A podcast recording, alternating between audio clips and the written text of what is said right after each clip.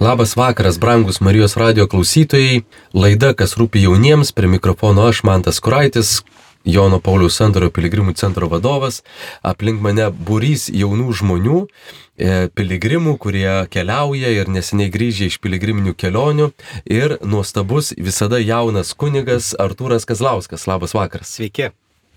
Labas vakaras, brangus jaunime. Labas. Labas vakaras. Malonu Jūs čia matyti ir tikiuosi klausytojams girdėti. Laida jaunimui, kas rūpi jauniems, pabandysim pasidalinti, papasakoti e, apie piligrimystę, kur mes Jūs norėtume pakvies keliauti ir, ir kur mes patys keliaujame. E, bet pradžioje Visada smagu išgirsti kažką naujo apie pačią piligrimystę. A, tai yra toks, atrodo, visiems žinomas žodis, daug esame girdėję. Bet a, ką bažnyčia sako apie piligrimystę, iš kur tai yra kilę šitas žodis ir kunigas Artūras yra su mumis ir mes pasinaudosim progą jo paklausti, kuniga Artūrai, ką jūs galėtumėt papasakoti apie šitą reiškinį, apie šitą žodį, iš, iš, iš kur tai yra kilę. Yra trys bažnyčios triumfuojanti, kenčianti ir keliaujanti. Tai akivaizdu, kad keliaujanti bažnyčia esame mes o triumfuojanti yra šventųjų bažnyčia, mūsų viltis ir iš tikrųjų mes ir keliaujam į triumfuojančią bažnyčią, į gyvenimą su Dievu. E, kenčianti bažnyčia yra ta, kuriai reikia apsivalyti, kuri turi nusimesti viską, kas netinka triumfuojančiai bažnyčiai, ko dar trūksta iki to triumfuojančios bažnyčios statuso. Tai, tai štai, o mes keliaujanti bažnyčia e, esam šiandien. Ir iš tiesų piligrimystė tai reikėtų mąstyti vis dėlto apie, apie mūsų žmogišką būtį, apie mūsų žmogišką buvimą.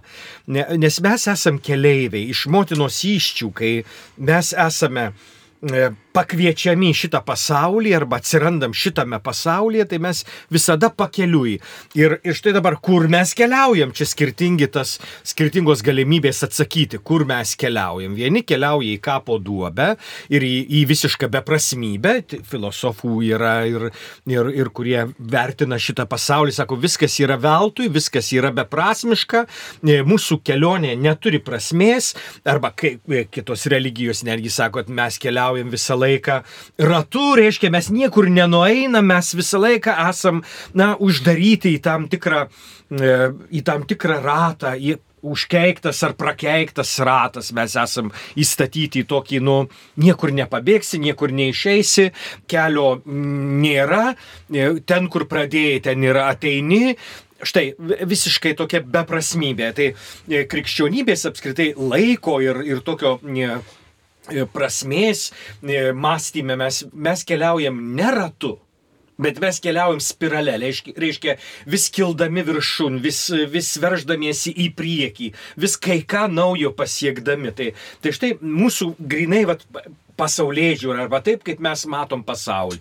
Reiškia, vienas svarbiausių dalykų, kas yra, tai yra keliauti, eiti. Ir iš tiesų, ką mes, kaip mes pradedam, labai dažnai mamos dar vežimukuose mus vežioja e, į, į gryną orą, sako, reikia išvesti. Bet iš tikrųjų tai nėra į gryną orą išvesti.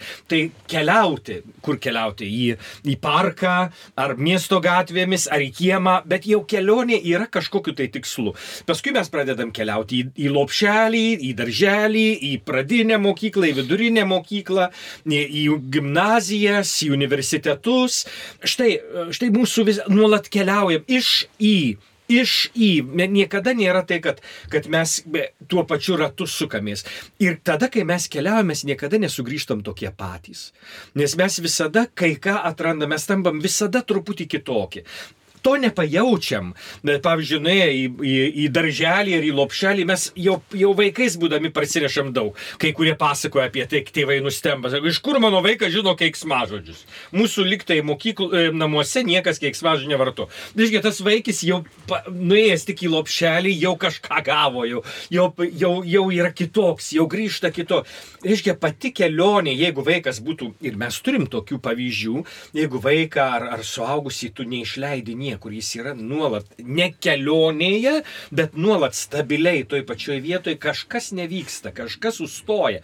Reiškia, mūsiškis tiesiog prigimties mechanizmas yra tai eiti, keliauti.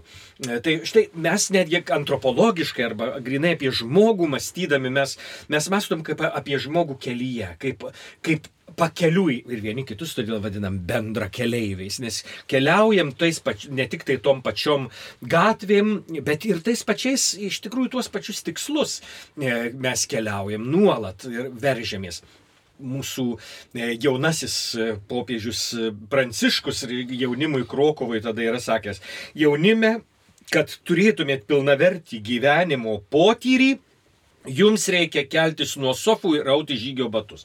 Nes mums labai patogu, e, reiškia, natūraliai žmogiškai nekeliauti. Ir, ir, ir ar eisi? Ai, ne. Reiškia, tai, tai tas visą laiką vat, pasilikti namuose arba neiti, tai visą laiką sustoti, nesiveršti į priekį ir tam tikrą prasme atsisakyti progreso, atsisakyti pažangos, likti ten, kur esu, tai likti tokiu pačiu, koks esu, iš esmės.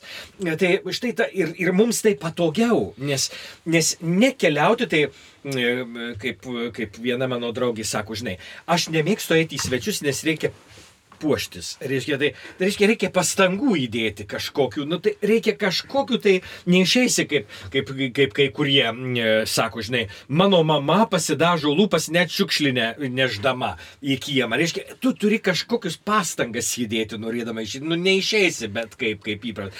Likus namie aš galiu elgtis taip, kaip noriu. Todėl daugybė mūsų, e, reiškia, masto, pavyzdžiui, kad sekmadienį yra labai patogu halatų diena. Reiškia, mes nuom halatų dieną, reiškia, niekur neinam, netgi nesiprausiam, nesirengiam, nepasidažo e, damos, reiškia, bet apsirengia halatus ir paguglinėja visą dieną namuose. Ir tai reikėtų pripažinti, kad sekmadienis, halatų diena, nėra naudingas, bet nuodingas. Vien tam, kad žmogus štai tose, reiškia, neprasiveidina ne, ne tik galvos, bet neprasiveidina realiai ir namų, nes patogu googlinėti, supranti, po, ne, bet čia ne Google'as, čia, čia yra dar kai kas, reiškia, tai yra namuose prasit pratūnoti, tai reiškia, namuose. Ir tai yra iš tikrųjų nuodingas, nuodinga patirtis, nors patogi, nors, nors labai daugam geidžiama ir trokštama, bet ji nėra tai, ko, ka, kam žmogus pašauktas. Ir jeigu kas galvo, kad žmogus pašauktas gerai atmiegoti, tai mūsiškiai medikai aiškina, nereikia atmiegoti niekada, nes organizmui to nereikia. Tai mūsų e, galvos idėja, kad ateis laikas, atmiegosiu šeštadienį ir sėkmę, organizmas to neprašo tavęs. Bent jau jeigu tu e, esi save gerbintis, turi surasti tinkamą laiką miegoti nuolat, ir, bet ne per daug. Šiandien apie stuburus, pavyzdžiui, pasakoja, negalima daugiau nei septynias valandas miegoti suaugusiai. Tai Bet čia kalba apie, apie antropologinį. Antropologinį. Apie Mes taip pat ir pastebėjom, kad labai daug žmonių keliauja ir vasarą bandėm užsakyti lėktuvą, vykti pasaulio jaunimo dienas. Neįmanoma to padaryti, nes visos turizmo kompanijos jau tai yra padariusios. Ir iš tikrųjų žmonių keliaujančių turizmo sektorius jisai plečiasi, labai daug žmonių keliaujančių. Tačiau piligrimystė, kuo skiriasi nuo tiesiog kelionių, nes žmonės atrodo, kad e, pakankamai keliauja aišku, yra žmonių, kurie, kurie visai nekeliauja ir, ir jie aptinksta ir, ir geriau televizorius, kompiuteris, ir, bet yra žmonių, kurie supranta, kad, nu, mes taupom pinigus ir keliausim tikrai. Bet vad kodėl, kas ta piligrimystė e, tokia dvasinė prasme, ne, kuo jinai skiriasi galbūt nuo kitų kelionių? E, visgi reikėtų turbūt e, netgi konkrečiai labai kalbėti apie piligrimystę ir apie turizmą, kuris yra šiandien netgi religinis turizmas, yra e, vėl nauja savoka, kokios anksčiau nebuvo, niekas nepažinojo ir apie tai niekada nebuvo kalbėta. Netgi kai buvo pradėta kalbėti apie religinį turizmą, tai buvo toks naujadaras, kuris atrodo negalės prigyti, reiškia, bet prigijo pasirodo. Tai piligrimystė realiai yra kelionė į susitikimą. Nes apskritai būti žmogumi tai gyventi kartu su kitu arba keliauti kartu su kitais. Ir, ir piligrimystės tikslas visgi yra ne ką nors pamatyti, bet susitikti. Ir tas susitikti, vat, vat, štai ir yra. Reiškia, jeigu mes keliaujam kur nors, reiškia, pamatyti kalnų, Tai gali piligrimystė būti ir kalnuose, jeigu mes trokštam susitikti Dievą. Reiškia, Dievą, kuris yra konkretus Dievas, Dievas, kuris apsireiškė, Dievas, kuris mane pavadino vardu, kuris man pasakė savo vardą, reiškia, jau santykių užmesgė. Tai visgi, kai kalbė apie piligrimystę, ji gali būti ir po vieną realiai. Gali piligrimystė būti ir, ir šeimoje tik tai, gali piligrimystė būti ir bendruomenė arba su, su kitais broliais ir seserimis. Bet tai yra kelionė į susitikimą. Ir, ir būti, būti piligrimu tai iš tiesų pripažinti, kad kartu keliauja Dievas. Ir tu jau turi pajusti tą Dievo buvimą pačiais įvairiausiais būdais - per Dievo žodžio skaitymą, per, per maldą, per sakramentinį gyvenimą. Bet pats svarbiausias dalykas - siekti to susitikimo. To, tai, kas yra labai reikšminga, pavyzdžiui, žmogus, kuris pavargęs nuo kitų žmonių, jis, jis nori ne, nesutikti kitų žmonių, jam patinka vienam būti. Bet iš tikrųjų tas uždarumas savyje irgi ne, tai nebūtų piligrimystė tikrai to žodžio prasme. Tai būtų greičiau kažkoks bandymas pailsėti, bet tai būtų egoizmas, kuris dar labiau nuvargintų tave. Nes žmogus iš prigimties yra at, atvira būtis, jam reikia kito, jam reikia kito iš mažosios raidės ir kito iš didžiosios raidės. Tai, tai piligrimystė visgi yra susitikimas. Ir, ir čia mes, anksčiau gal niekas negalėtų pasakyti, kad jeigu ne į kokį šventą vietą, tai ne piligrimystė. Bet šiandien mes vis dėlto turim pačius įvairiausius būdus ir piligrimystės gali būti pačios įvairiausios formos, pačių įvairiausių būdų. Ir tu negalėsi pasakyti, kad tai nėra piligrimystė, jeigu tai yra kelionė su Dievu ir kelionė į susitikimą su Dievu. E, ir aišku, kažkas pajokavo, ten, kur yra Jėzus, ten yra ir daug draugų. Tai, tai čia, čia vat, natūralus tas dalykas. Aš turbūt e, labiausiai tokį e, kelionę piligriminę matyčiau senuosiuose atsiskyriuliuose, kurie išvykdavo į dykumas arba į kokias nors kalvas, kaip prie Romos koks nors šventasis Benediktas, kuris norėjo ieškoti vien Dievo. Reikia palikti žmonės ir vien Dievui gyventi, vien Dievą, Dievo ieškoti ir vien Dievą surasti ir jam pats svarbiausias dalykas buvo. Ir, ir visgi, kai Benediktas surado Dievą, staiga jis pajuto, kad aplink jį yra daugybė mokinių, kurie irgi to paties nori. Jis sako, išmokyk mus surasti Dievą. Štai piligrimo vieno, Benedikto, kuris pradėjo piligrimystę vienas, staiga keliolika vienuolynų įsteigia dėl to, kad atranda brolius ir seseris. Tai autentiška piligrimystė, piligrimystė, kuri leido susitikti. E, reiškia ir Dievą, bet kartu ir kitus žmonės. Ir aš manau, kad piligrimystę nuo turizmo e, skiria būtent šitas, šitas esminis dalykas. Dažnai labai piligrimų grupių Sako, norėtume vienviečio kambario, mes tai pratę, kur, kur keliaujam, ne, tai mes, mes kartais specialiai užsakom uh, dviviečius kambarius, kad susitiktumėte ir kitus, ir, ir savo draugus, ir galbūt nedraugus, ir išdrysti išeiti iš to komforto zonos. Tai um, tikrai tas susitikimas yra svarbu ir su kitais žmonėmis. Ir e, ačiū kunigė Artūrai. Uh, turime jaunimą, kuris keliauja dažnai ir manau, kad ir Miglė, ir Ona, ir Ingrida priklauso Jono Paulius II piligrimų bendruomeniai, kur, kur ir tarnauja, ir keliauja. Ką jūs apie piligrimystę galėtumėt pasakyti, kaip tokį reiškinį, ką jūsų gyvenime duoda ar davė, gal atsimenat vien, vienas iš pirmųjų savo kelionių? Aš tai piligrimystę įvardinčiau kaip labai labai nepatogią kelionę, kurios gale, nu, pakeiti krypti kažkokiu būdu. Um, tai gali tas krypties pakeitimas būti labai kažkoks mažas dalykas uh, uh, arba labai didelis. Galbūt pradėsi grįžęs melstis arba, nežinau, galbūt tiek neburbėsi, bet uh, kažkoks, kažkoks mažas dalykas, kuris, uh, kuris pasikeičia. Mano viena iš pirmųjų piligrimyšių tai uh, buvo į Teize tikriausiai uh, vienuolyną Prancūzijoje. Tai ten gal toks, sakyčiau, stambus buvo krypties pasikeitimas, nes aš ten atsiverčiau toj kelioniai bet, e, bet man tikrai kažkokie tos kelionės, jos būna žiauriai nepatogios.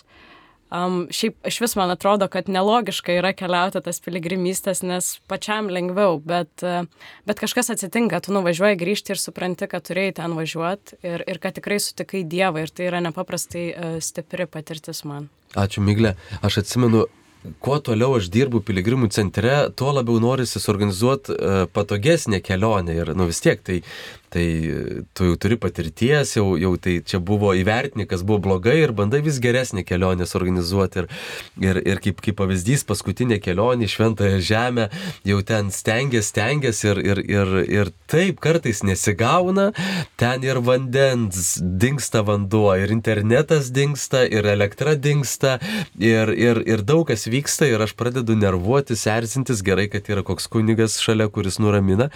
Ir galiausiai paskui sužinai, kad, kad tie nepatogumai piligrimystėj, jie kažkam atneša rekolekcijas, kažkam didelius išgyvenimus duoda. Tai, tai kartais organizuojant piligriminę kelionę, kad jau taip jau nori gerai suorganizuoti, vis tiek Dievas taip sutvarko, kad to nepatogumo truputį būtų. Tai, tai, tai ačiū Myglė, aš tam labai pritariu ir, ir manau, tai vienas tikrai svarbus kelionės aspektas, kad tai, kaip čia sako, paprastai, bet neprastai. Ne? Tai, tai gali būti ne, čia visai skirtingi dalykai. O nu, tai kaip tau piligrimystė? Man piligrimystė yra kelionė į save ir į savo širdį. Pirmiausia, tai ilgai mačiau, kas yra piligrimystė, tai man toks labai dažnai kasdienybei užsisukam tuose darbuose, veiklose visose ir tikrai nekartą pajaučiu, kad tam centre nebelieka vietos viešpačių ir ta piligrimystė, tas kartais nepatogus išėjimas man labai dažnai sustato tą kryptį kur yra mano centras. Ir viena mano tokių pirmųjų piligrimyščių, galbūt ne, ne tiek pirmųjų laiko atžvilgių, bet tokia širdį perkeičianti piligrimystė, tai buvo prieš kelis metus į Šilvo piligrimystę, gyvos piligrimystės keliais. Čia buvo pasiruošimas birželio mėnesio pabaigai vykstančiam žygiui su jaunimu ir mes tada keliese, kaip tik kartu keliavai ir tu man, tai ir Ingrida, ir dar keli žmonės. Ir mes keliavom bandomojų kelių nuo Šiaulės kalnos į Šilvą ir aš tada prieš kelionę nusipirkau naujus batus, aš juos apsieviau, kaip tik buvo pandemijos, jau link pabaigos keliavo ir aš labai norėjau keliauti ir buvo tikrai nuostabu, apsėjau tuos batus ir supratau, kad tai buvo didžiausia mano klaida, nes jau pradėjus pirmus kilometrus eiti, aš pajaučiau, kad tie batai yra labai labai nepatogus, labai spaudžia, labai trina ir įpusėjus kelionė aš jau jaučiu, kad mano visos pėdos buvo nusėtos melinėmis, nusėtos puslėmis ir aš jaučiau, kad aš tapau tos grupės mūsų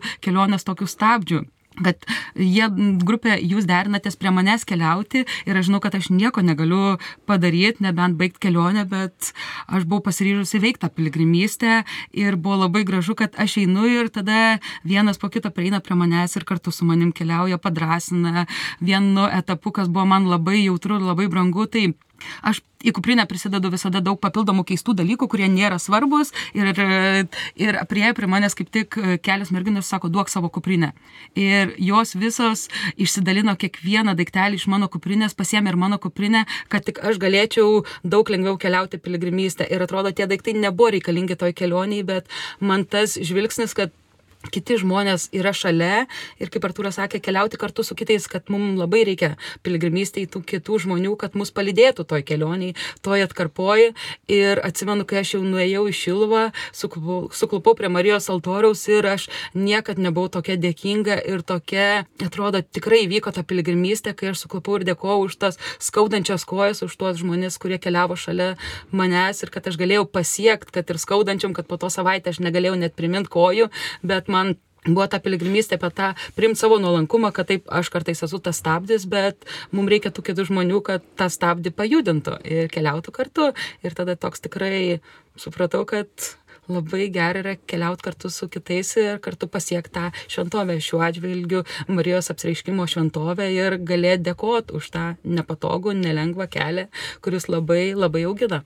Ačiū, Nutė, aš puikiai atsimenu, kai tu basa pusę kelio, jei man atrodo ir tikrai buvo gražu žiūrėti, bet pasirodo nebuvo taip, taip, taip gražu gal tau, ne taip lengva. Ingrida, gal tu gali pasidalinti prisiminimais? Prisiminimais būtinai. Man piligrimystė pirmiausia yra vaikščiojimas su Dievu ir nebūtinai tiesiogiai vaikščiojimas, galbūt važiavimas autobusu, galbūt keliavimas pešiomis, bet e, iš esmės pasikviesti Dievą į tą kelionę, į kurią leidžiuosi. Tai piligrimystė, kuri man atėjo galva, nėra pirmoji mano piligrimystė, bet e, tiesiog ta patirtis, kurią dabar atsimenu, tai kai mes su viena drauge, tokia Jėva, nusprendėm peškom nueiti Šilovą per tris dienas. Ir e, tik išėję iš Kauno supratom, kad nelabai žinom ir kur nakvosim, ir ką valgysim, tai džiaugiamės, kad tuo metu sutikom kunigą Artūrą, jis mums davė numerį vienos moters, kuri mus priglaudė e, čekiškai. Tai visą tą kelionę mus lydėjo ir skirtingi žmonės, kurie priglaudė nakvyniai, pasiūlė pietų bažnyčioje, davė obalių, nu, tikrai labai labai daug žmonių sutikom, kurie man toj kelionė gal tapo tokiam Dievo rankom, kai būdavo visai sunku jau eiti peškomis, kadangi mums irgi labai ten nutrynė batai, buvo labai daug iššūkių, buvo labai šalta. Tai atrodo, e, visai netikėtai privažiavo viena draugė, tokia sesė Faustina su savo tėvais, sustiprino kažkaip tam kelyje, kitų metų 10 km šalia bėgo šuniukas, tiesiog kad būtų mums linksmiau ir atrodo per tas tris dienas įvyko labai daug tokių mažų, mažų susitikimų su daugeliu skirtingų žmonių, bet per tuos mažus susitikimus įvyko didžiausias susitikimas su pačiu Dievu, kad tiek tie maži pokalbiai, tiek maži gailestingumo darbai, kuriuos patyrėm, tiek kažkoks e, tiesioginis kalbėjimas su Dievu, širdimi, maldoje, taip ir sustiprino ir taip leido patirti, kad esam tam kelyje tikrai ne vienos, nes iš išorės galvom, kad nu čia truputėlį kažkaip kvailai elgiamės, dviese, merginos, nesuprantam, kur einam, kur miegam, bet e, kažkaip ta kelionė leido suprasti, kad Dievas tikrai visko pasirūpina, kai pasikviečiam jį keliauti kartu. Ačiū labai ir padarykim trumpą muzikinę pertraukėlę, po kurios sugrįšim ir toliau tęsime šitą laidą jaunimui apie piligrimystę ir kalbėsim vieną iš įspūdingiausių Europos miestų, kur, kur piligrimai keliauja žiemą, vasarą, dieną ir naktį mes galėjome įsitikinti. Tai trumpa muzikinė pertraukėlė, po kurios sugrįšim.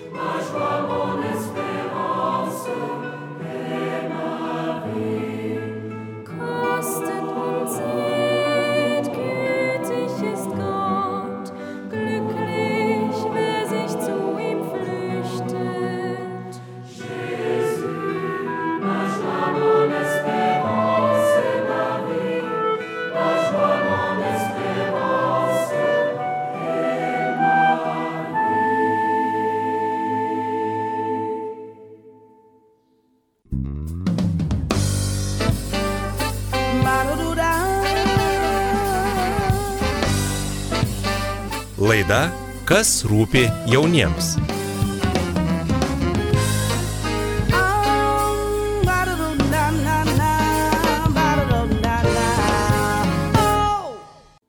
Garbėjai Zukristui, labas vakaras Marijos radio klausytojai, su jumis laida, kas rūpi jauniems.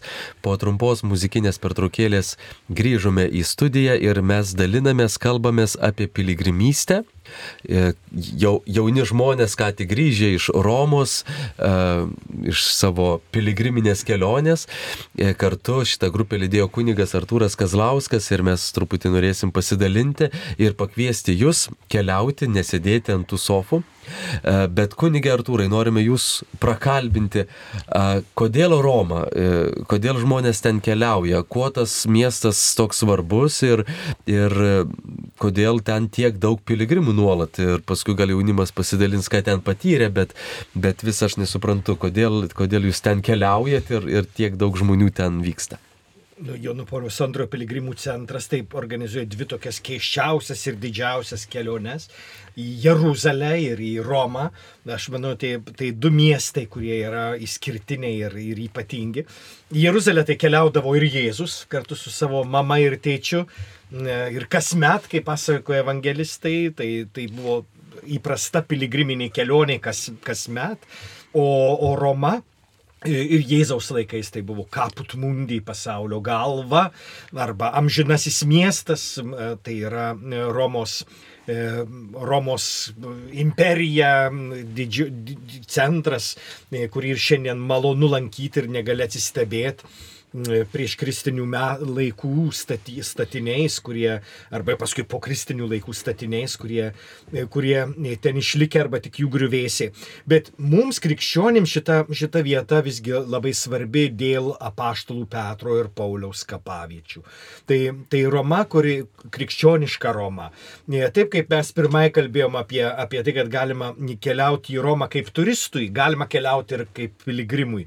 Tai kaip turistui čia, čia daug daug kas. Ir, ir, ir valgiai, ir, ir apskritai architektūra, ir atmosfera, ir, ir visai nereliginiai paminklai ar fontanai, kurie paskui iš kitos pusės žiūrint pasirodo visai religiniai ir, ir, ir ne, nebūtinai netgi nebūtinai krikščioniški, bet, bet galbūt ir, ir senųjų romėnų kažkokios religijos, e, mitinės religijos kažkokie tai vaizdiniai, kuriuos mes šiandien matom.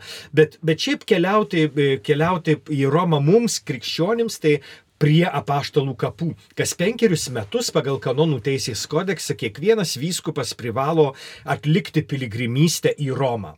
Ir ji vadinama adlymina apostoliorum prie apaštalų kapų. Tiesiog taip ir parašyta, reiškia, e, kiekvienas vyskupas vis apsilanko ten. Ir, ir mūsų visi vyskupai keliauja kartu, kitų, kitų didesnių vyskupų konferencijų e, atstovai e, keliauja padalinta, padalintas vyskupų konferencijų piligrimystės, bet jos, jos vat, vyksta ir vyksta nuolat ir nuolat vis keliaujama ten. Apaštalas Petras yra laikomas pirmoji Romos vyskupu ir ten buvo ant Vatikano kalvos nužudytas ir ten pat esančiame nekropolyje mirusiųjų mieste palaidotas. Tai nuo, nuo to e, apaštalo Petro palaidojimo ten ir keliaudavo krikščionys. Lankyti Romos vyskupo, Jėzaus mokinio, kurį Jėzus paskyrė vadovauti bažnyčią arba iš tikrųjų stiprinti brolius kapo. E, vėliau, aišku, e, prasidėjo ir, ir kelionė prie apaštalo Pauliaus kapo, kuris jau yra už miesto ribų, už sienų arba už mūrų, kaip šiandien mes vadintume. Tai štai du šitie didieji apaštalai. O ką jau kalbėti, kiek daug kitų pirmųjų krikščionių, nes didžiausios Petro ir Pauliaus steigtos bažnyčios Romoje, tai, tai jos ten ir buvo, pačios pirmosios. Aišku, jeigu šiandien pagalvotume, tai ne Petras atnešė į, į, į krikščionybę į, į Romą, bet krikščionybė į Romą istoriškai atėjo pati, savaime. Šita žinia atėjo turbūt per pirklius, per, per kažkokius keliautojus, kurie atnešė štai šitą žinią ir, ir kai, kai paštalas Paulius e, rašo laišką Romos krikščionim, jisai prisistatinėja. Aš esu toks ir toks. Ir reiškia, jau yra žmonės, kurie, kurie ten. Petras ateina irgi pas krikščionis, kurie jau yra. Tai štai tai, tai buvo pirmosios didžiosios svarbiausios bažnyčios. Labai daug informacijos apie šitas bažnyčias mes turim ne tik iš laiško mm, romiečiams, bet ir apaštalų darbų knyga mums daug pateikia. Tai, tai pirmosios, pirmosios krikščionių bažnyčios ir pirmieji kankiniai ten. Aišku, pats pirmasis kankinys išlikęs ir, ir, ir e, Jeruzalėje yra paštalas Jokūbas, viešpaties brolis, kuris pirmasis buvo nužudytas ir Steponas, kuris pirmasis krikščionis buvo nužudytas ten Jeruzalėje. Bet visa ta didžioji krikščionybės epopėja tam svarbiausiame mieste, e, kuris, kur, kuris traukė visus ir, ir, ir, ir apaštalo Pauliaus keli metai pragyventi. Ir, ir, ir štai šiandien tie Petras ir Paulius, du, du didieji mūsų, kurie, be kurių niekas, nie, niekas negali. Petras kaip, kaip, kaip bažnyčios vadovas, Paulius kaip Jėzaus žinios vertėjas į suprantamą kalbą. Reiškia, tai štai du šitie didieji. Aišku, paskui katakombos, kurios, kur, kurių nesuskaičiuojami kilometrai yra po Roma, kurias galime lankyti, kai kurios atidarytos, kai kurios uždarytos lankytojams, nesuskaičiuojamos kapavietės tų kankinių, tų krikščionių, kurių šiandien tik vardu žinom, arba, arba pirmieji statiniai, kokia nors šventoji Cecilija, kur, apie kurią nieko absoliučiai nežinome, be, bet kurios bazilika stovi, sako, ant jos namų. Štai, štai viską, visa, visi šitie visi šitie liudymai arba kokie nors priskos namai, apie kuriuos apaštalas Paulius sako, ten mes rinkomės. Šiandien e, tapusi bažnyčia. Reiškia, tu lankydamasis Romai, tu pajunti tu, tą pirmųjų krikščionių kvapą, tų pirmųjų krikščionių buvimą. Milžiniškame aname mieste E, pasaulio centre, taip, taip jis vadinosi, visi keliai veda į Romą, Viapija, kurią mes einam iš katakombo į katakombas, kuri yra seniausias žinomas pasaulyje gatvės arba kelio vardas, arba kokie nors kitos vietos, kurios, kurios labai svarbios krikščionim, bet Dar kai kas labai svarbu, e, tai yra Petro vietininko arba Romos vyskupo, kuris yra pasaulio bažnyčios, e, visuotinės bažnyčios galva centras. Aišku, popiežius ne visada gyveno Romoje, mes žinoma, Vinjono tremtį taip vadinama, kai, kai popiežius gyveno Prancūzijoje, Vinjone. E, reiškia, tai, tai nebuvo toks ten. Aišku, reikia dar pasakyti, kad popiežiaus tokia institucija arba popiežiaus reikšmingumas nebuvo visą laiką toks reikšmingas, koks buvo šiandien. Dėka televizijos televizijos, radio, interneto. Žiūrėk, šiandien popiežios visi, visi gestai, visi, visi ašaros ir šypsenos, kalbos čia pat girdimos visame pasaulyje. Anksčiaugi to nebuvo galima. Bet keliauti, netgi toks posakis, jeigu buvai Romoje ir nesusitikai su popiežiumi, reiškia, kelionė piligrimystės nebuvo arba iš, apskritai nebuvo būti Romoje, nepamatyti popiežios kažkoks nesusipratimas. Tai, tai štai, tai štai to, tokia piligrimystė, kuri yra ir prie istorinės krikščionybės atminties, prie ištakų, bet kartu su matymu to, kas yra bažnyčia. Kodėl aš keliauju į Romą? Tai mano studijų miestas. Tai kas gali būti brangiau už tavo studijų miestą? Šiandien Romos aš nepažįstu, aš Romą prisimenu iš, iš savo studijų miesto, bet to studijų laikų e, turėjau garbę ir, ir malonę iš tikrųjų praleisti keletą metų Romoje. Ir, ir, ir tai, kokį kunigą mane suformavo, tai tikrai ne Kaunas ir tikrai ne Lietuva. Kokį kunigą mane suformavo, tai, tai buvo Roma. Tai buvo ta visuotinės bažnyčios patirtis. Tai buvo e, universitetas, tai buvo dėstytojai pasauliniai, kurie, kurie iš tikrųjų kai ką, kai ką davė kitaip, atvėrė akis, leido pamatyti, kitaip pasaulį. Aš pats brendau pas benediktinus nuo, nuo pat jaunystės ir su benediktiniška dvasia ir visą laiką su dideliu malonumu visus piligrimus palydžiu tą į savo universitetą ir, ir bent pagėdoti vakarinę vieną kartą kartu su tais mano buvusiais broliais, kurių šiemet mačiau du buvusius, visų kitų nėra nei kvapo, nei profesūros, nei, nei nieko praėjo daugybę metų. Tai, tai štai ta Roma, kuri kuri yra ir šiandien e, amžinasis miestas, bet šitas pavadinimas ne, ne tai, ne, tai Romos imperijos pavadinimas. Ir Kaput Mundi tai ne krikščionių, tai, tai e, Romos imperijos miestas. Labai svarbu turbūt kalbėt, kalbant apie senąją Romą, apie, apie 5-6 amžių sugriuvusią Romos imperiją, e, Biblijos vertėjo ir bažnyčios tėvo Jeronimo žodžiais e, užgeso pasaulio šviesa. Tai iki penktojo krikščionybės šimtmečio Roma gyvuoda, gyvuojanti ir buvo pasaulio šviesa. Jeigu jo bažnyčios tėvas apverkia Romos imperijos griūtį kaip pasaulio šviesos užgesimą, reiškia kažkas tai buvo ypatingo ir senaisiais laikais, kažkas ypatingo ir šiais laikais, e, bebūnant truputį tu tai pajunti daugiau ar mažiau šitą piligrimystę, kai ką praplečia tavo mąstymą, tavo požiūrį ir ne tik apskritai į gyvenimą, ne tik apskritai į italus ir romiečius, bet ir į krikščionybę ir į patį Jėzų ir jo mokinius.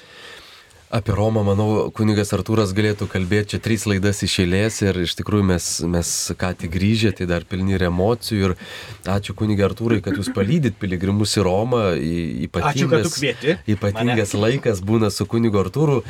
Man ta frazė jūsų visada aš atsimenu, mes e, dabar pagyvenkim, kaip gyvena romiečiai. Ir pavalgykim, kaip valgo romiečiai, ir pasivaikščiokim, ir neskubėkim. Ir, ir tikrai kartais piligrimai sako, tai kiek mes aplankysim, bet nesmė kiek aplankyti, bet pabūti, pajausti, e, užuosti, nežinau, tą, tą, tą Romos didybę ir pabūti tą mieste ir, ir metro pavažinėti, kunigas Artūras, ir, ir taksi pavažinėti, ir pešiom pasivaikščioti. Tai, Tai iš tikrųjų ta Roma miestas, į kurį mes labai kviečiam aplankyti. Ir štai šitoj grupiai buvo nemažai jaunimo, kurie galbūt galėtų pasidalinti, kas, kas jums vat, visai neseniai grįžus iš Romos, kokį įspūdį didžiausią paliko, kuri vieta prakalbino. Ne? Tai gal galite pasidalinti su mūsų klausytojais, Miglė. Man šita kelionė į Romą, tai nebuvo pirma kelionė į Romą, bet gal tikriausiai pirmoji, sakyčiau, piligrimystė į Romą. Uh, aš esu buvus Romoje ir su tėvais, ir su choru, ir tai buvo gal, kiek suskaičiuoju, tai mano ketvirtas kartas Romoje. Bet uh, pirmus kartus, atrodo, aš pastebėjau visai kitokius dalykus. Man gal buvo ta architektūra, tas pats miestas, jisai buvo labai įdomus, bet mes neturėjom kažkokių, mes neturėjom kunigo Artūro, mes neturėjom manto, uh, tai mes uh, patys ieškojom, patys ėjom, patys žiūrėjom ir, ir galbūt per grožį patyrėm tą Romą. Bet gal čia yra tas gražiausias dalykas, kad kai tu daug kartų būni, tu tada pradedi visai kitus dalykus pastebėti. Ir man kažkaip neįtikėtinai brangu buvo, kad mes galėjom kartu melstis šitoj kelioniai. Ir, ir man tikrai svarbiau už, nežinau, pačias bažnyčios ten erdves buvo smagiau turėti mišes toje bažnyčioje, toje bazilikoje. Ir, ir, ir tikrai man tas buvo labai brangu. Ir ką aš dar gal išgyvenau, kad uh, ta pirmoji bažnyčia. Man atrodo, kad, e, kad labiausiai išgyvenu iš Biblijos ne pačias Evangelijas, o paštalų darbus. Atrodo, kad e, tai, kas įvyko po to prisikelimo, po žengimo į dangų, šventosios dvasios atsintimo, ta pirmoji bažnyčia. Ir, ir, ir kažkaip buvo labai brangu susitapatinti su tuo ir atrodo tikrai kaip apaštalai, man irgi toks klausimas, kas dabar ir, ir, ir labai fainai. E, kad, e, nu, tokia didelė ta mūsų bažnyčia, tokia iš, išgyventa tokia bendrystė kartu su visais. Ir man kažkaip labai paliko įspūdį, kad akombos, um, ten ant vieno akmens buvo uh, nupieštas, uh, išraižytas, besimeldžiantis žmogus iškėlęs rankas. Ir, ir nežinau, kiek tame tiesos, manau, kad yra tame tiesos, uh, sakė, kad pirmieji krikščionys melsdavosi iškėlę rankas. Uh, Ir, ir aš kažkaip pagalvoju, kad ir mes, mūsų ne kunigai per mišes laiko iškėlęs rankas, mes per tėvę mūsų, kai bijom susikabinti, irgi iškeliam rankas. Ir, ir kažkoks man tokia tikrai vienybė, kad, kad mes galim būti vienybėje maldoje kartu su šventaisiais, su visais tikinčiais. Nu, labai stipru išgyventa pirmos bažnyčios potyrį. Ir gal kitas dalykas toks paprastesnis, tai mokiausi, kaip italai moka džiaugtis gyvenimu aš kažkaip labai mėgstu skūstis, aš labai mėgstu burbėti Ir, ir iš tikrųjų atsimenu mūsų pirmą kelionės dieną, mes visi sėdėm oro uoste, Rainieras kaip visada vėluoja, žodžiu, nieko naujo ir, ir labai lengva, tada mes kažkaip sėdėjom keturios prie staliuko ir prasidėjo toks, nu, trys iš mūsų pradėjom burbėti, kaip mums sunku šitoje kelionėje, nors jinai dar ką tik prasidėjo. Ir, ir tada viena ketvirta mergina Milda, jinai taip pažiūrėjimas ir sako, gal galit nustot skūstis, mes važiuojam atostogauti. Ir, ir kažkaip tikrai man, man šitoj kelioniai tai buvo, kad nuvažiuoja ir atrodo gerai, saulė šviečia, bet uh, per šalta, gražu, bet aš jau čia buvus. Um, uh, skanu, bet uh, ta pusryčių kava tai nenorėčiau daugiau. Nu, žodžiu, tokių prasidėjo, kad ir tas negerai, ir tas negerai, ir tas negerai, bet man kažkaip tie mildo žodžiai iš to kelionė, aš vis juos girdėdavau. Ir atrodo, po truputį mes e, kartu, man atrodo, tiek su Ingrida mokėmės, e, kaip, kaip džiaugtis. E, ir, ir, ir, ir pasirodo, kad ir tas gerai, ir tas gerai, ir, ir kunigas Artūras labai fainas, ir grupė nuostabi. Ir, ir atrodo, kad viskas yra gerai, Dievas yra geras. Ir kažkaip, kai pradėjau dėkoti, tai pati pradėjau džiaugsmingesnė būti. Tada atrodo, ta kelionė tokia pasidarė, kad mums čia tikrai labai gera ir, ir tikrai nuostabu. Tai kažkaip leidau Dievui veikti, atrodo, net jeigu, net jeigu ne pagal mane viskas, toks atrodo nusijuokti, kai sunku. Ir, ir kažkaip tai tikrai parsivežiau tą, kad, nu, vat, neturim nieko, bet turim viską. Ir, ir man labai kažkaip Pauliaus gal čia iš švento rašto, kad, kad kai liūdim visą laiką esame linksmi ir kai būdami beturčiai praturtiname daugelį ir kai nieko neturime ir viską turime. Tai vat aš šitą išgyvenau už toj kelionį, tai labai ačiū. O man tai buvo pirmoji kelionė į Romą, dar nesu lankiusis ten ir man visa kelionė buvo apie nuolatinį džiaugsmą ir stebėjimąsi viskuo. Ir dabar reflektuojant po kelionės, man didžiausią įspūdį paliko tos keturios didžiosios bazilikos, kurios visos yra Romoje ir visas turėjom džiaugsmą aplankyti, taip, taip pradedant nuo Laterano bazilikos, žinant, kokį svorį jinai sveriam krikščionybėje, kad tai yra pirmoji bazilika, kaip gražiai jinai apibūdinama bažnyčių motina ir jo išvesti Euharistiją ir tada keliauti į Mariją Madžiorį baziliką sekančią dieną, kur, kurioje yra tas uh, Marijos stebuklingasis paveikslas, kuris yra mūsų šilvos paveikslo pirmtakas ir galėt žvelgti jį ir melsis O Šilvoji mūsų bendruomenė tiek metų ir tarnauja Šilvos atlaiduose, keliaujam piligrimystės, kiek prie to mūsų Šilvos paveikslų sudėta mūsų maldų, žvilgsnių ar tiesiog bėgant pervargus Marija užtark ir toliau keliauti darbą ir matyti tą paveikslą, kur, kuris yra mūsų Marijos paveikslo ištakos. Tai man buvo nepaprastai brangu. Tada trečioji tai Petro bazilika, kur turėjom galimybę sustoti maldai prie Jono Pauliaus kapo, kuris yra mūsų bendruomenės palydėtojas, kuris yra mūsų bendruomenės m, mm, vienas iš užtarėjų ir galėt būti šalia jo ten, kur jis dabar ilsisi, tai man buvo nepaprastai brangu, arba žvelgti tą e, Petro bazilikoje šventosios dvasios vitražą, kuris yra tiek daug knygų, tiek visur paveiksliukose, atvirukose ir mano studijose tiek daug kalbėta apie tai, Ir visą tai išgyvent, vaikščioti ir būti visam tame, tai buvo nepaprastai brangu ir, ir atrodo, taip norėčiau vėl grįžti į Romą ir iš lėto keliauti, atrodo, tų nepilnos savaitės nepakako viso to patirti, bet labiausiai man yra apie tą stebėjimąsi ir kokia tai yra dovana, kad mes galim keliauti, kad galim leistis tą piligrimystę ir pažinti mūsų atrodo ištakas, kaip, kaip krikščionybė plito. Ir viena man tokia dabar irgi prisiminiau Petro bazilikoje, kai įėjau į ją, tokia man pirma mintis ta Jėzaus ištarti Petrui žodžiai. Petrai, tu esi ola, ant tos olos aš pastatysiu savo bažnyčią ir pragaro vartai jos nenugalės.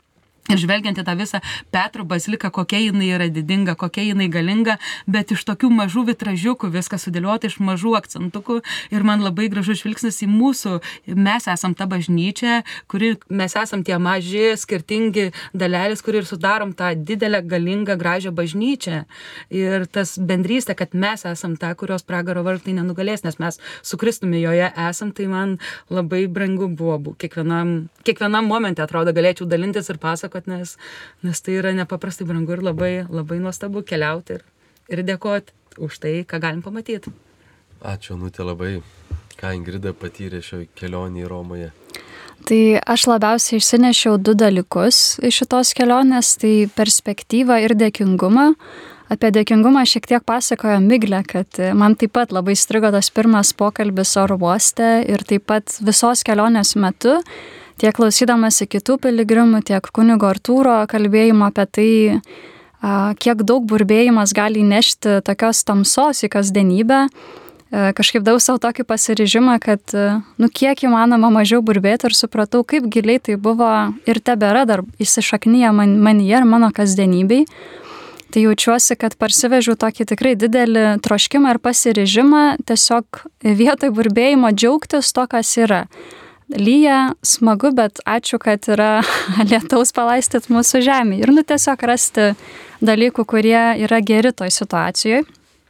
O kitas dalykas, kurį minėjau apie perspektyvą, um, tai ką aš turiu menyje, tai kad prieš dešimt metų lygiai, 2012-2013 ten perinant, buvo Taize Europos žiemos susitikimas būtent Romoje, tai buvo mano pirma tokia kelionę į Taize žiemos susitikimą.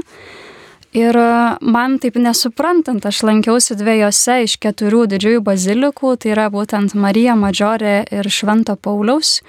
Aš tik tai šitoj kelionį supratau, kokio masto yra tos bažnyčios ir kad, e, pavyzdžiui, ten yra palaidotas apaštalas Paulius.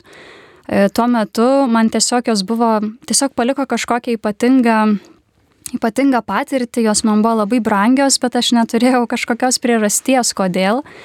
Bet e, aš puikiai atsimenu, kad būtent šitos dvi bazilikos man buvo reikšmingos pirmą tuo, kad Marija Mažorė bazilikoje aš tikrai e, meldžiausi ir labai daug kalbėjau Dievui apie tai, ko trokštų.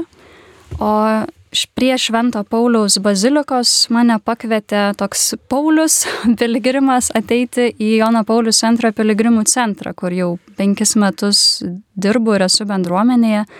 Tai supratau, kad Vat būdama šį kartą tokią pamačiau perspektyvą, kiek daug Dievas nuveikė per šitus dešimt metų, kiek daug jau įvyko, kiek daug jis jau mane nuvedė į vairius uh, kelius ir pašaukimą, ir bendruomenę, ir darbą, ir atrodo, nu viską reikia tiesiog išties rankas ir paimti ir padėkoti už tai. Tai Marija Madžiorė bazilikoje atnešiau šiek tiek gal naujų maldų, bet ir tikrai turėjau labai labai daug dalykų, už kuriuos norėjosi dėkoti šitoj kelioniai. Tai esu labai dėkinga už tą dėkingumą ir už perspektyvą. Ačiū labai. Jeigu norėtumėt keliauti Romą, tai tikrai yra daugybė variantų, pasiūlymų. Asmeniškai galite keliauti, galite kreiptis į agentūras, tikrai yra piligrimų e, grupių. Taip pat galite kreiptis į piligrimų centrą ir mes jumis rekomenduosim grupės arba, arba kunigas Artūras asmeniškai suorganizuos jums kelionę. Tai tikrai yra ir, ir, ir, ir tokių galimybių. E, mes visai jau pabaigą mūsų laidai norime pakvies, kur jau tikrai žinoma e, keletą įvykių, kur bus Romoje, tai 23 e, metais bus labai gražus ekumeninis sustikimas su graikų patriarchu Baltramiejumi ir, ir popiežiumi Pranciškumi, e, tai Zebrolė organizuoja tokį maldos ekumeninį sustikimą rugsėjo paskutinį savaitgalį, spalio pirmą. Tai galite daugiau informacijos rasti tikrai internete. Mes kaip piligrimų centras galbūt keliausime ir organizuosim grupę Tai ypatingai jaunimui šitas susitikimas, e, sakė, priims romiečių šeimos, bus galimybė gyventi šeimose, tai galite apie tai svajot, ruoštis, e, skambinti, registruotis. Ir taip pat 25 metais yra jubiliejiniai metai, galbūt truputį kunigas Artūras gali apie tai pristatyti, pasakyti ir mes apie tai jau galim svajoti, nes kunigas Artūras yra išrinktas viskupų deleguotas nacionalinis atstovas jubiliejiniams metams Lietuvos. Tai kuniga Artūrai visai į pabaigą trumpai, kas tie jubiliejiniai metai ir kam čia galima mes ruoštis. Svarbiausia dalyka, kad nereikia papasakot, kas yra nacionalinis atstovas, nes nežinau. E, o o 2025 yra krikščionybės jubiliejus. Koks? Nuo Dievo tapimo žmogumi. Štai nuo, nuo viešpaties užgimimo. E, jeigu skaičiuojami metai nuo jo gimimo, tai 2025 yra jo gimimo jubiliejus. E, popiežius Pranciškus netrukus e, turėtų paskelbti bulę šitų jubiliejų, jubiliejinių metų skelbimui ten bus numatytos ir visos datos, nuo kada, iki kada. Ir turime pradėti ruoštis e, piligrimystėms į Romą ir švęsti šitą ypatingą jubiliejų vietinėse bažnyčiose. Romoje turėsim keturias didžiasias duris keturiose didžiosiose bazilikose. E, jas perėję gausim ir visuotinių atlaidų malonę, bet taip pat ir, ir pabūti štai toj visuotinės bažnyčios patirtį, e, ką, ką mes esame visą laiką kviečiami. Tai iš tikrųjų svajokim, taupykim pinigus, visus, visus nuoširdžiausiai kviečiu 2025-aisiais susiruošti į jubiliejinę piligrimystę Romoje, pašlovinti Dievą, kuris tapo žmogumi. Ačiū visiems klausytojams, ačiū jaunimui, piligrimams, kunigui Artūrui Kazlauskui. Su jumis buvau aš, Mantas Kuraitis, piligrimų centro vadovas Kauno arkiviskupijoje ir laida, kas rūpi jauniems. Kviečiame klausyti kiekvieną trečiadienį ir ačiū, kad buvote su mumis, garbėjai Kristui.